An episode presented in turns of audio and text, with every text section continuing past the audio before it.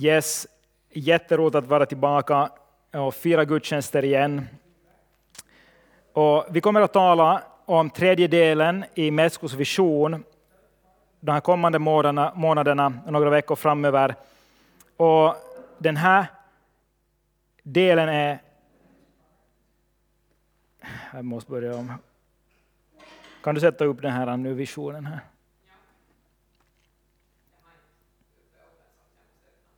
Aha. Equipping. Kanske inte vi... Eh, jag läser bara den här. Det är okej. Okay. Utrustas, equipping. Yes, vi talar om tredje delen i vår vision den här söndagen och några månader framöver. Och det är Equipping to live and lead with purpose and passion. Det handlar om att utrustas. Vi kommer att tala om att utrustas. Då kanske några tänker så här, att vad då utrustas? Vad menar du med att utrustas? Och Guds rike är en plats där vi utrustas för livet och för att leda på olika plan i livet. Allt som Bibeln lär är till för vår uppbyggelse. Oavsett var du är i livet, oavsett vad du jobbar med, vad du gör, så har Bibeln någonting att säga till om i det området. För varje område i livet så har Bibeln vägledning att ge. Både för det andliga och höga, och för det heliga och det vardagliga och jordnära. Gud vill vara en del av din vardag mitt i livet. Till exempel så är det min övertygelse om att ingen människa någonsin har varit bättre på att hantera relationer än Jesus var. Han var med och skapade livet så att relationer skulle vara en stor del av det. Och det är bara ett exempel. Oavsett var du jobbar, var du finns, så har Gud någonting han vill säga på det området. Och vi är inte bara kallade till att själva växa i vår tro eller till att bjuda med vi, eh, människor till himlen. Vi är kallade att bjuda med människor på en resa att upptäcka mer om vad livet handlar om. Att utrusta människor för det här livet. Tron på Jesus är vägen in i ett nytt slags liv. Det berör allting i våra liv. Från hur du får frid och ljus i ditt djupaste mörker, till vad du äter, till hur du hanterar din tid. Och vi är kallade att vara en församling som utrustar människor. Både för livet och för att leda andra till tillväxt och till ett helare liv. Vi finns här för att utrusta. Lyssna vad Bibeln säger på ett ställe om just att utrusta, equipping, som vi talar om. Efesierbrevet 4 och 11, du kan gärna slå upp det i din egen bibel eller på din telefon. Där står det så här, och han gav några till apostlar, och andra till profeter, andra till evangelister och andra till herdar och lärare. Det skulle utrusta det heliga till att utföra sin tjänst att bygga upp Kristi kropp. Tills vi alla når fram till enheten i tron och i kunskapen om Guds son. Till ett sådant mått av manlig mognad att vi blir helt uppfyllda av Kristus. Vi ska då inte längre vara barn som kastas hit och dit av vågorna och som förs bort av varje vindkast i läran. När människorna bedriver sitt falska spel och i sin list förleder till villfarelse. Utan, lyssna, vi ska istället i kärlek hålla fast vid sanningen och i allt växa upp till honom som är huvudet, nämligen Kristus. Från honom får hela kroppen sin tillväxt. Så byggs kroppen upp i kärlek och den fogas samman och hålls ihop genom det stöd som varje led ger, allt efter den kraft som är utmätt åt varje särskild del. Märker du, församlingen och de olika tjänstegåvorna ska utrusta. Vi ska utrusta människor. Det är en del av vår kallelse och vår uppgift som församling. Låt oss aldrig bli en församling som inte utrustar för någonting. Som bara underhåller människor vecka efter vecka. Och låt oss aldrig bli människor som går in i en sån kultur att vi bara vill bli underhållna vecka efter vecka. Nej, låt oss vara människor som längtar efter att bli utrustade. Men här är det viktiga för vad? Församlingen ska utrusta, men för vad? Och jag vill sätta fokuset här först på det som är centrum och som återkommer gång på gång i den här texten, om du följde med. Syftet och målet med allting är att vi ska växa upp till Kristus. Det är Kristus som är i centrum. Det är inte någon av våra egna planer att bygga något fantastiskt verk för Gud. Syftet och målet är Kristus. Gång på gång säger han för att vi ska komma närmare Kristus, för att vi ska växa till Kristus.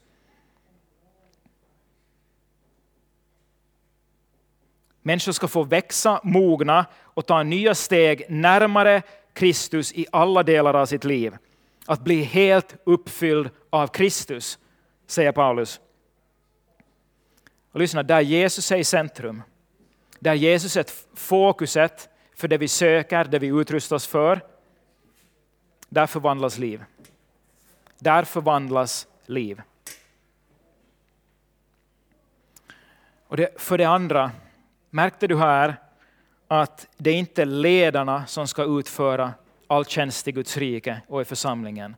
Utan han säger att här finns då lärare, profeter, herdar, evangelister och så vidare. Och de ska utrusta de heliga att utföra sin tjänst, att bygga upp Kristi kropp.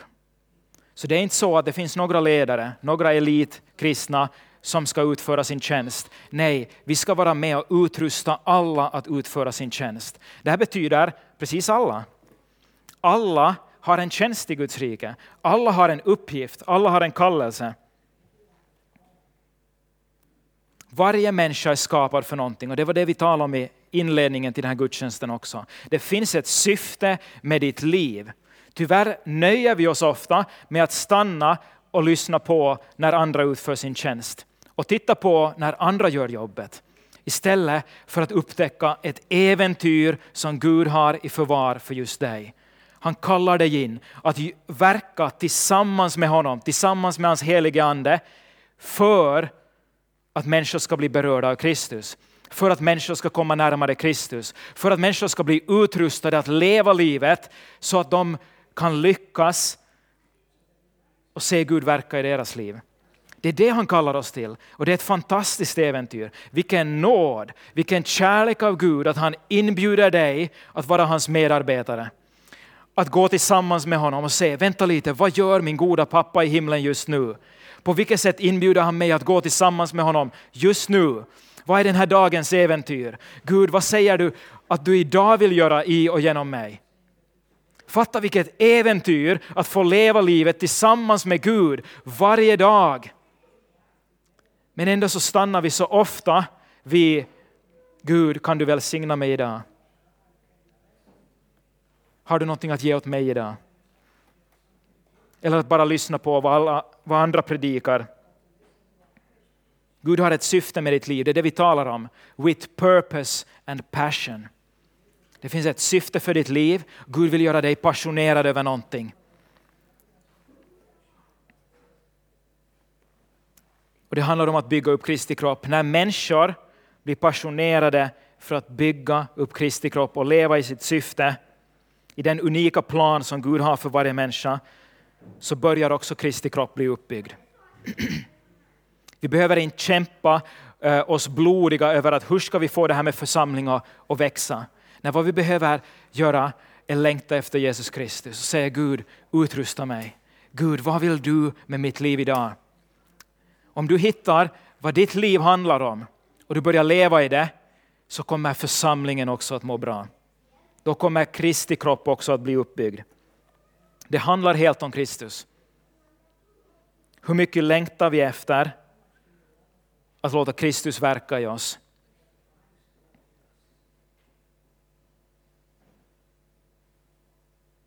Vad händer när vi blir helt uppfyllda av Kristus, som Paulus talar här? Vad händer när vi blir helt uppfyllda av Kristus? Vi kan leva våra liv i den här världen så som Kristus levde i den här världen. Medan världen blir kallare, mer isolerad, själv, själviskare, så kallar Gud oss till en motkultur, en Jesuskultur, som är varmare, som är förenande, osjälvisk, barmhärtig, god, betjänande, ärlig, ödmjuk. Om vi blir helt uppfyllda av Kristus, så som Paulus säger här, då kan vi leva som honom i den här världen. Då kan vi kalla människor in i det livet. Då kan vi visa människor vägen till liv. Fatta vilket äventyr att få vara med och visa människor vägen hem. Hem till pappa, till nåden, till Gud som kan förvandla varje livsomständighet. Att föra människor från mörker till ljus. Det är klart att det är Jesus som kan göra det, men han inbjuder dig med in i det. Oavsett om du studerar för att jobba inom vården eller du är teolog eller du är en försäljare, du är ingenjör. Oavsett vad du jobbar med eller studerar för så kallar Gud dig till att växa och bli utrustad. Precis där var du finns i livet, där kan Gud utrusta dig. Där vill Gud verka genom dig. Så min fråga idag till dig är, är du, är du inställd på att växa mot Kristus hela ditt liv? Att inte stanna halvvägs, att inte bli nöjd, ja, men här, den här andliga nivån är väl tillräckligt. Nu, nu är vi väl nog liksom, nu är jag väl nog tillräckligt kristen ändå. Är du inställd på att du vill mogna i din tro, du vill fortsätta växa, du vill längta efter mer av Jesus resten av ditt liv? Är ditt hjärtas största längtan Jesus? Eller är det något annat? Och nu vill jag bli lite allvarlig, helt avsiktligt, för att det är faktiskt det lättaste att göra i sitt kristna liv, det är att sätta ner sig och bli ljummen. Det är tyvärr så.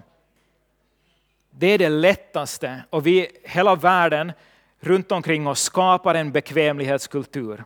Det lättaste av allt är att tänka, äh, men det här är väl nog tillräckligt bra. Eller som de säger i Sverige, det här är väl nog lagom. Jag är väl nog lagom kristen nu. Och så slutar vi längta efter det Gud har mer för oss. Vi slutar vända våra hjärtan och säga Gud, Gud, det finns ännu områden i mitt liv som inte jag har gett helt åt dig. Det finns synder jag inte låter dig röra vid. Det finns rum jag inte ännu har öppnat. Gud, jag längtar efter mer. Det jag inte kan göra, Gud, gör du det i mig. Det är så lätt att bli sittande. Paulus sa ju här, vi ska då inte längre vara barn. Han säger att vänta lite, när vi börjar är vi barn i vår tro. Men när vi växer mot Kristus, när vi väljer att låta oss bli utrustade, så ska vi inte längre vara barn som kastas hit och dit av vågorna och som förs bort av varje vindkast i läran. Han säger så länge vi är barn, så länge vi nöjer oss med att äh, men det här, det här barnsnivån i mitt andliga liv är tillräckligt, så kommer jag, lyssna, genom hela mitt liv att kastas hit och dit av vågorna. Du kan välja att leva ditt liv som en ljummen kristen och då får du stå ut med det, att jag kastas hela mitt liv hit och dit av vågorna och det kommer att vara kämpigt. Men om du vill slippa det så behöver du längta efter Jesus, att mogna, att fortsätta växa närmare Kristus. För han säger att då ska vi inte längre vara barn som kastas hit och dit av vågorna och som förs bort av varje vindkast i läran. Har du en längtan efter att mogna och fortsätta mogna som kristen? Paulus använder den här bilden av barn och mogna kristna, kristna om och om igen i Bibeln. Det är en av de mest tragiska sakerna som jag har sett under hela mitt liv som kristen, både i perioder, lyssna noga, i mitt eget liv. Det kan fortfarande hända, fast jag är pastor, att jag stannar upp, att min längtan minskar och jag blir sittande på en nivå, en plats i mitt andliga liv. Jag har sett det i mitt eget liv och jag har sett det i kristenheten i stort. Man fastnar på en plats, eller sen så fastnar man i det förgångna som Kenneth Grönros talade om för en vecka sedan. Man fastnar i hur det var någon gång under någon vecka eller någon fantastisk period i församlingen för länge sedan. Det är det mest tragiska när kristna slutar växa. När de stagnerar och nöjer sig med status quo, det är liksom okej okay här. Det är det mest tragiska. För så mycket av allt det Gud längtar efter att göra i dig, ge dig, hjälpa dig in i, så kommer aldrig att hända då. Gud kommer aldrig att tvinga sig på dig och säga att oavsett om du längtar eller inte, vill eller inte, oavsett om du söker mig eller inte, så kommer jag här nu och pushar på dig andlig välsignelse och gåvor. Han kan inte anförtro dig med mera om du inte är öppen för det. Om du inte säger aktivt, Gud jag längtar efter mer. Och Paulus använder den här bilden om barn gång på gång. I första Korinthierbrevet 3 och vers 1-3 så säger han så här. Bröder, själv kunde jag inte tala till er som andliga människor utan som till kötsliga människor, spädbarn i Kristus. Mjölk gav jag er att dricka, fast föda fick ni inte, den tålde ni ännu inte. Och det gör ni inte nu heller, eftersom ni fortfarande är kötsliga. Så länge det råder avund och strid bland er, är ni då inte kötsliga och lever som alla andra. Paulus uttrycker en, en bedrövelse och kanske en besvikelse över det han hittade när han kom till Korint. Han konstaterar att, att ni borde redan ha vuxit. Ni borde redan ha tagit flera till steg men de var ännu kvar i kötsliga begär och stred om, om eh, personer och vem de håller sig till. De stred om, nej men jag hör till Apollos och jag hör till Paulus. Det gör ju inte kristenheten i dagens läge. Jag hör hit och jag hör hit. Det har vi väl lämnat förbi för länge sedan. Nej, men det är precis vad vi alla håller på med. Vi hör till olika läger och vi har olika grejer som vi vägrar släppa taget om i våra liv. Olika kötsliga begär. Som nybliven pappa så måste jag ju bara säga det. Ett nyfött barn kan vara det vackraste och finaste i hela världen. Man kan sitta i timmar och titta på vår lilla Wilmer och bara konstatera att det här är ett mirakel. Det är som Carolas sång, att man håller hela himlen i sin famn. För det är någonting så vackert med ett nyfött barn. Det har ingen skillnad hur mycket han kissar och bajsar i blöjan och drar en niskakakat ibland, liksom, ut ur blöjan. Och vi byter grejer, liksom dagen i ett. Det lär ha varit en hemsk dag igår och de bytte jag vet inte hur många blöjor. Alla sådana här kissi-skydd eh, blev nedbajsade och alltihopa. Men det har ingen skillnad för han är fantastisk. Och det här är just det han ska hålla på med. Han ska äta, han ska sova och han ska bajsa och han ska kissa. Då är allting bra. Eller hur? Det är liksom det som barn. Okej, okay, nu märker jag att hälften är helt blåsta. Alla studerande bara så jaha. I varje fall, det är det som små barn ska göra. Då mår magen bra. Och när han pruttar så ropar vi hurra, bra pruttat! För då kommer luften ut och han mår bättre. Och när han rapar så är det så här yes, rapa en gång till! Och det är på sätt och vis bara gulligt och det är just det han ska göra. Men, där sa jag här för några veckor sedan åt Miriam att, att, att det här är jätte, jättefint och jättegulligt med ett litet barn. Men det här ska aldrig gå igenom hos en vuxen, eller hur? Om en vuxen skulle hålla på så här, det, det skulle vi aldrig liksom acceptera. Bara prutta och rapa och bajsa på sig och kissa på sig. Och ändå så är det just det vi står ut med andligen i våra liv, från vecka till vecka, månad till månad, år efter år. Vi står ut med att vi är andliga spädbarn och att vi inte behöver längta efter någonting mer. Hänger du med vad jag säger?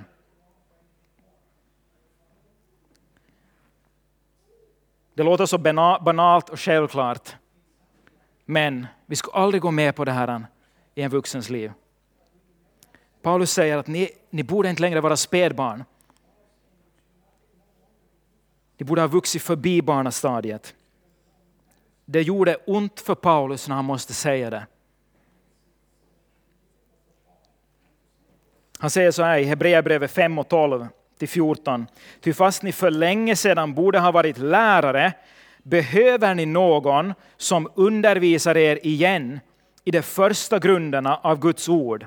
Ni behöver mjölk, inte fast föda. Ingen som lever av mjölk är mogen för en undervisning om rättfärdighet. Han är ännu ett barn. Den fasta födan är till för vuxna, för dem som genom övning har fått sinnet skärpt till att skilja mellan gott och ont. Han säger att vänta lite, det finns en övning här som vi alla behöver gå in i. Ta emot undervisning, ta emot mjölken och växa. Vi behöver längta efter det, längta efter att växa och att vadå? Genom övning, genom att bli utrustade, lära oss att skilja mellan gott och ont. Han säger att, att någonstans här så behöver vi börja se på våra hjärtan och längta efter att ta nästa steg. Vänta lite, vad ska finnas här i mitt hjärta och vad ska inte? Hur kan jag ta nästa steg mot allt det där goda som Gud har för mig? Han säger att de borde ha varit lärare, men de var ännu bara barn. De behövde någon som undervisar, fast de redan skulle ha kunnat vara de som lär andra om Jesus Kristus. Hänger du med? Han säger det nästan ännu starkare, ni borde redan ha varit längre. Det var en gång på en ledarskola som jag var med och undervisade på, så undervisade en bekant till mig, jag ska inte nämna något namn, men han undervisade just om det här, om att mogna som kristen på den här ledarskolan. Och då läste de här bibelställena och han sa så här att, äh, det här är precis med hans ord, det, det är ju jättegulligt med ett litet barn i barnvagnen som ligger där, och det är jättesött. Men tänk dig en vuxen som ligger i barnvagnen och fötterna sticker ut ur barnvagnen och skägget växer runt tutten. Hur gulligt är det, sa han. Men då, då räknar han inte med att det var en rikssvensk med där i, i det här gänget som lyssnar på undervisningen som blev helt bestört. Hur kan man ens säga på det här sättet? Alltså, vad är det här i kristna sammanhang? Tala på det här sättet. Hon kunde hålla sig ända till kvällen tills hon nämnde om det här åt de andra på kursen och så sa hon att, att vad var det här egentligen? Så fick de förklara då att ja, alltså tutte samma som napp i Sverige. Så det är lite pinsamt. Men, men det är just så här, hur länge ska vi vara kvar där i barnvagnen? Hur länge ska vi nöja oss med att andra skurrar omkring på oss? Kom, nu behöver du det här, nu ska vi gå hit, nu behöver du det här, nu går vi hit. Åh, vänta lite, gråter du? Hur länge ska vi hålla på med det? När är det dags att vi säger, vänta lite Jesus, jag vill ta nästa steg. Jag vill växa upp från en barnslig kristen tro till, till en mogen andlig kristen tro. Jag vill ta nästa steg. Hur länge tänker vi leva halvhjärtat för Jesus och med andra halvan i världen? Hur länge ska vi vara okej okay med att vi låter vissa synder och avgudar vara kvar i våra liv? Bo kvar år efter år. Att vi lever på samma nivå, samma överlåtelse hela tiden. Den största nyckeln, den största nyckeln till att du fortsätter att växa och utvecklas och bli utrustad för allt i ditt liv, det är inte en speciell metod, det är inte ens den bästa bibelskolan, det är inte en viss strategi eller sju heliga nycklar för tillväxt. Jag kommer inte att ge dig sju heliga nycklar för tillväxt här idag. Många gånger förenklar vi det, men jag ska säga dig, egentligen så är det ännu enklare. Nyckeln för att fortsätta växa och mogna som kristen och bli utrustad, det är ditt hjärta och din längtan. Det är att du fortsätter sträcka dig till Gud i ditt hjärta och säga jag vill det här, jag längtar efter mer. Jag är inte nöjd med status quo, jag är inte nöjd med den här, eh, det här sättet som jag lever idag. Då säger jag inte att du kan förändra dig själv, att du kan bestämma dig för att ta dig i kragen. Men jag säger att du behöver längta och öppna dörren för Jesus att komma in och göra mera i ditt liv. För det är endast han som kan göra det. Petrus skriver med samma bild i första Petrus brevet 2 och vers 1-3 så säger han så här. Lägg därför bort all slags ondska, falskhet, och hyckleri, avund och förtal. Längta som nyfödda barn efter den rena andliga mjölken, så att ni genom den växer upp till frälsning, då ni nu har smakat att Herren är god. Han säger, ni har redan smakat på det. Ni har redan fått upp ögonen för det att, att Gud är god. Du som redan har börjat din kristna vandring, du har redan fått märka, vänta lite, Gud är oerhört god. Hans nåd är oerhört stor. Hans nåd är oändlig. Jag får komma till honom med allt och han förlåter mig. Du har redan fått smaka på hur det känns att få ett bönesvar när Gud griper in. Gud har redan visat sin godhet mot dig. Och vad är det Petrus säger? Han säger att, att han vill att du fortsätter växa närmare och mer in i Guds godhet. Han säger nyckeln är det här, längta. Längta som nyfödda barn efter den rena andliga mjölken så att ni genom den växer upp till frälsning. Och nu menar han inte bara frälsning som är att jag var förlorad, jag fick mina sönder förlåtna och blev frälst. Nya testamentet använder också ordet frälsning för helgelse. Alltså för vår livslånga vandring mot att vi i slutet ska bli helt och hållet frälsta. Den dagen Jesus kommer tillbaka och vi får se honom ansikte mot ansikte och vi blir frälsta slutligen. På det sättet använder Bibeln ordet frälsning. Du växer upp till frälsning. Hela livet är en process att gå mot frälsning. Jo, du kan ha en stund då du blev frälst och du vände om till Jesus och tog emot hans nåd. Men det är inte allt Gud kan göra i ditt liv. Gud kan göra mer med din synd än att förlåta den. Han kan fortsätta den här processen av att växa och helgas resten av livet. Och du växer i frälsning mot det underbara ögonblicket när du ska få se honom ansikte mot ansikte. Och vad jag hoppas är att vi skulle kunna utrusta människor, att du och jag skulle få stå frimodiga inför hans ansikte och inte behöva säga att, att jag blev kvar på barnastadiet, på spädbarnsstadiet hela mitt liv. Och Jesus hade så jättemycket mer han skulle vilja ge dig och verka genom dig och visa om ditt syfte och din kallelse än vad du hittills har upplevt. Tänk om du bara har sett 5 procent eller 10 procent av det Gud har för dig ännu. Vad vill du göra med resterande 90 procenten? Vill du växa och mogna in i det eller vill du bli kvar? Längta, längta, längta, längta efter det. Han säger längta som ett nyfött barn efter den rena andliga mjölken. Och nu, nu vet jag för första gången vad det betyder. Det betyder ett barn kan skrika när som helst på dygnet för att den längtar efter mjölk. Och jo, det kan lite gny och det kan lite skrika när det är ont i magen och det ena andra. Men allra mest skriker barnet när det vill ha mjölk. Då är det ingen hejd på det. Det finns ingenting som stoppar barnet. Jag vill ha mjölk. Och det är just rätt. Det är barnets sätt att prata. Men barnet slutar inte att längta efter mjölk, för barnet är inte medveten om det, men barnet behöver växa. Barnet behöver växa och barnet fortsätter att växa. Det är den naturliga processen och det borde vara det naturliga i Guds rike också. Det borde vara det naturliga att vi längtar, vi längtar, vi längtar i våra hjärtan att fortsätta växa i vår tro. Att det här är en rop efter mer av Guds nåd, efter mer av Guds näring, aldrig skulle sluta i våra hjärtan. För den dagen det slutar, den dagen du slutar längta, så slutar du också växa. Du får bara en nyckel idag, men det är egentligen allt du behöver veta. Längtan är egentligen så här, längtan är som, som en portvakt. Du, kan, du är portvakten för ditt hjärta. Med din längtan så kan du ändå ställa dig vid porten till ditt hjärta och stå där och ingenting kommer in. Eller så kan du öppna dörren och bjuda in det som är gott och säga jag längtar. När du ser Gud verka, Gud vill du komma in? Jag längtar efter mer.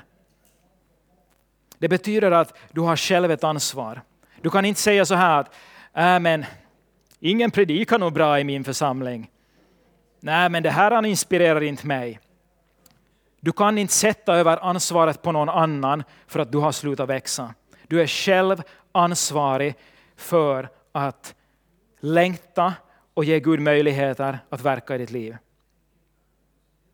Sen är det inte du själv som ska få till stånd allting i ditt liv. Men du är portvakten, du kan bestämma vad som får komma in och vad som får stanna utanför. Du kan bestämma dig för att sitta ner eller somna vid din port och ingenting kommer in eller ut. Då, då förblir du precis på det stadiet du alltid har varit. Om du somnar där som portvakt vid dörren, jag längtar inte efter något mera, jag blir en sovande kristen, här sitter jag vid porten, då kan inte Gud komma och fortsätta verket. Sen är förstås Gud nådig och han fortsätter aldrig att längta efter dig. Han fortsätter aldrig att söka efter dig. Också när vi är längst borta från honom så fortsätter han att söka dig och bulta på och fråga, får jag komma in? Nyckeln är ditt hjärta. Och nyckeln kommer alltid att vara ditt hjärta och den längtan du har där. Hur mycket längtar vi i jämförelse med ett nyfött barn som skriker efter mjölk? Det här är bilden Petrus använder, den stora aposteln Petrus. Han använder den bilden, längta som nyfödda barn. Längtar vi lika mycket som ett nyfött barn efter tillväxt, efter näring, efter Guds ord, efter anden. Därför går allt tillbaka till frågan, vill jag bli utrustad? Om inte du får tillräckligt med mat i ditt andliga sammanhang, då är det ditt ansvar att söka och be Gud om hjälp. Var kan jag få näring? Min pappa upplevde, okej okay, det här kanske inte är något jättepositivt att berätta, men min pappa upplevde under många år under min barndom att han fick inte tillräckligt med andlig näring i metodistkyrkan i Ekenäs. Han förblev en trogen medlem och gick på gudstjänsterna alltid i metodistkyrkan. Men han tog ansvar för sitt andliga liv och han får också många gånger när vi andra, resten av familjen får hem så får han till nästa gudstjänst och han får till missionskyrkan där Gud verkar starkt, där de predikar Guds ord och hela Guds ord och allt som finns i Guds ord. Och han får dit och åt. Och så kom han hem och hade andakter med oss och tog hand om oss så att vi skulle få näring. Han tog ansvar för sitt eget andliga liv och han tog ansvar för sin familjs andliga liv, att vi skulle fortsätta växa. På något plan, genom Guds nåd, så lyckades det ju eftersom vi är fyra bröder och fyra pastorer. Så fråga dig, ta det som en bild och fundera, hur långt, vad kan Gud göra om du tar ansvar för ditt andliga liv att fortsätta växa. Nu säger jag inte att det här var nu min pappas förtjänst. Det är helt och hållet Guds förtjänst och Guds nåd. Och, och vi är själv förundrade ibland att hur kunde det gå på det här sättet. Men tänk efter, han tog ansvar för sitt andliga liv. Och kanske han upplevde att han själv hade en kallelse men han, någon gång i tiden, men han lyckades ge vidare en kallelse till alla sina barn. Så att de fick fortsätta växa in i det Gud hade för dem. Och det kan bra vara att jag bara har upplevt 10 procent av det Gud vill i mitt liv ännu. Och då kan inte jag stanna kvar och vara samma sorts pastor år ut och år in. Då måste någonting förändras i mitt liv. För om jag är samma pastor i år som jag var för åtta år sedan när jag kom hit, då har jag fastnat.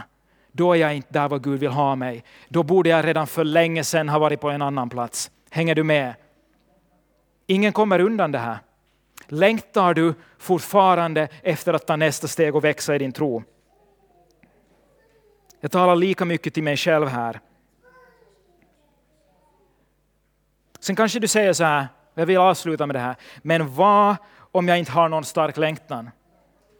Men vad, vad om, jag, om jag är riktigt ärlig med mig själv och jag tittar i mitt hjärta och jag ser, jag vill inte egentligen ge upp de här synderna jag kämpar med. Jag vill inte egentligen ge upp den här kompromissen.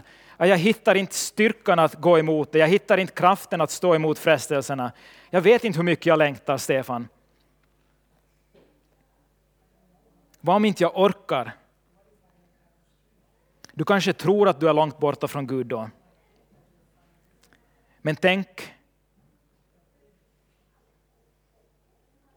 Tänk om du just då är närmare Gud än vad du var tidigare när du försökte få till ditt kristna liv i din egen kraft. Tänk om det är just när din egen kraft tar slut och du säger nu, nu orkar jag inte pressa fram någon längtan mera. När din mänskliga längtan är slut. Tänk om det är just där och då som Gud kan få vara stor i ditt liv och komma in med sin nåd och ge dig sin längtan. Och inte din mänskliga frampressade längtan.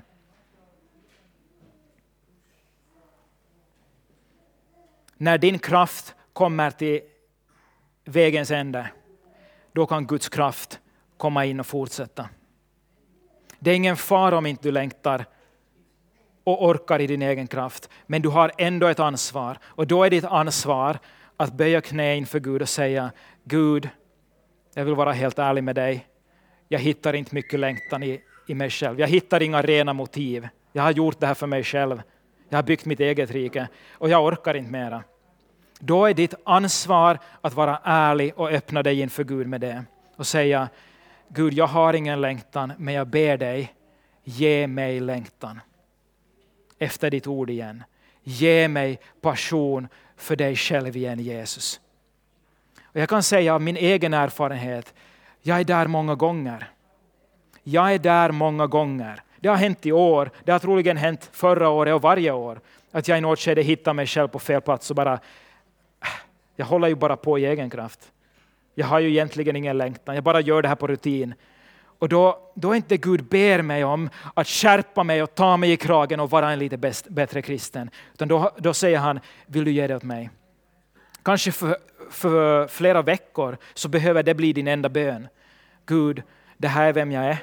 Du lägger ut dina kort ärligt inför Gud. Jag kämpar med den här synden. Jag har svårt att ge upp det här i mitt liv. Jag har, jag har, jag har svårt att välja dig helt och hållet. Men Gud, ge mig längtan efter dig igen. Gud, jag, jag ber dig, ge mig hunger efter ditt ord så att jag, jag vill läsa det, inte bara läsa det för att behaga dig eller för att vara en bra kristen. Ge mig längtan igen. Då är det ditt ansvar. Och jag lovar dig, jag har sett det själv bara det här året, att när jag ber den bönen och jag säger Gud, jag vill längta, jag vill komma närmare dig, jag, jag är inte okej okay med att stanna kvar här och vara en ljummen kristen, då kan Gud vända på situationen. Och jag behöver inte kämpa och klämma till med all min kraft, utan då kan Gud göra det. Det är du som är portvakten. Och Jesus säger så här, det är Jesu ord från Uppenbarelseboken 3 och 19. Alla som jag älskar tillrättavisar och tuktar jag. Lyssna vilket löfte. Har du tagit det här som ett löfte någonsin? Om du upplever att Gud tillrättavisar dig och tuktar dig, om du upplever det idag, så lyssna, det här är ett löfte och Bibeln säger det är för att jag älskar dig. Det är för att jag, mitt hjärta är så fäst vid dig. Jag kan inte släppa taget om dig, för jag älskar dig och därför så vill jag ta dig till nästa steg. Han älskar dig. Alla som jag älskar tillrättavisar och tuktar jag. Var därför ivrig och omvänd dig.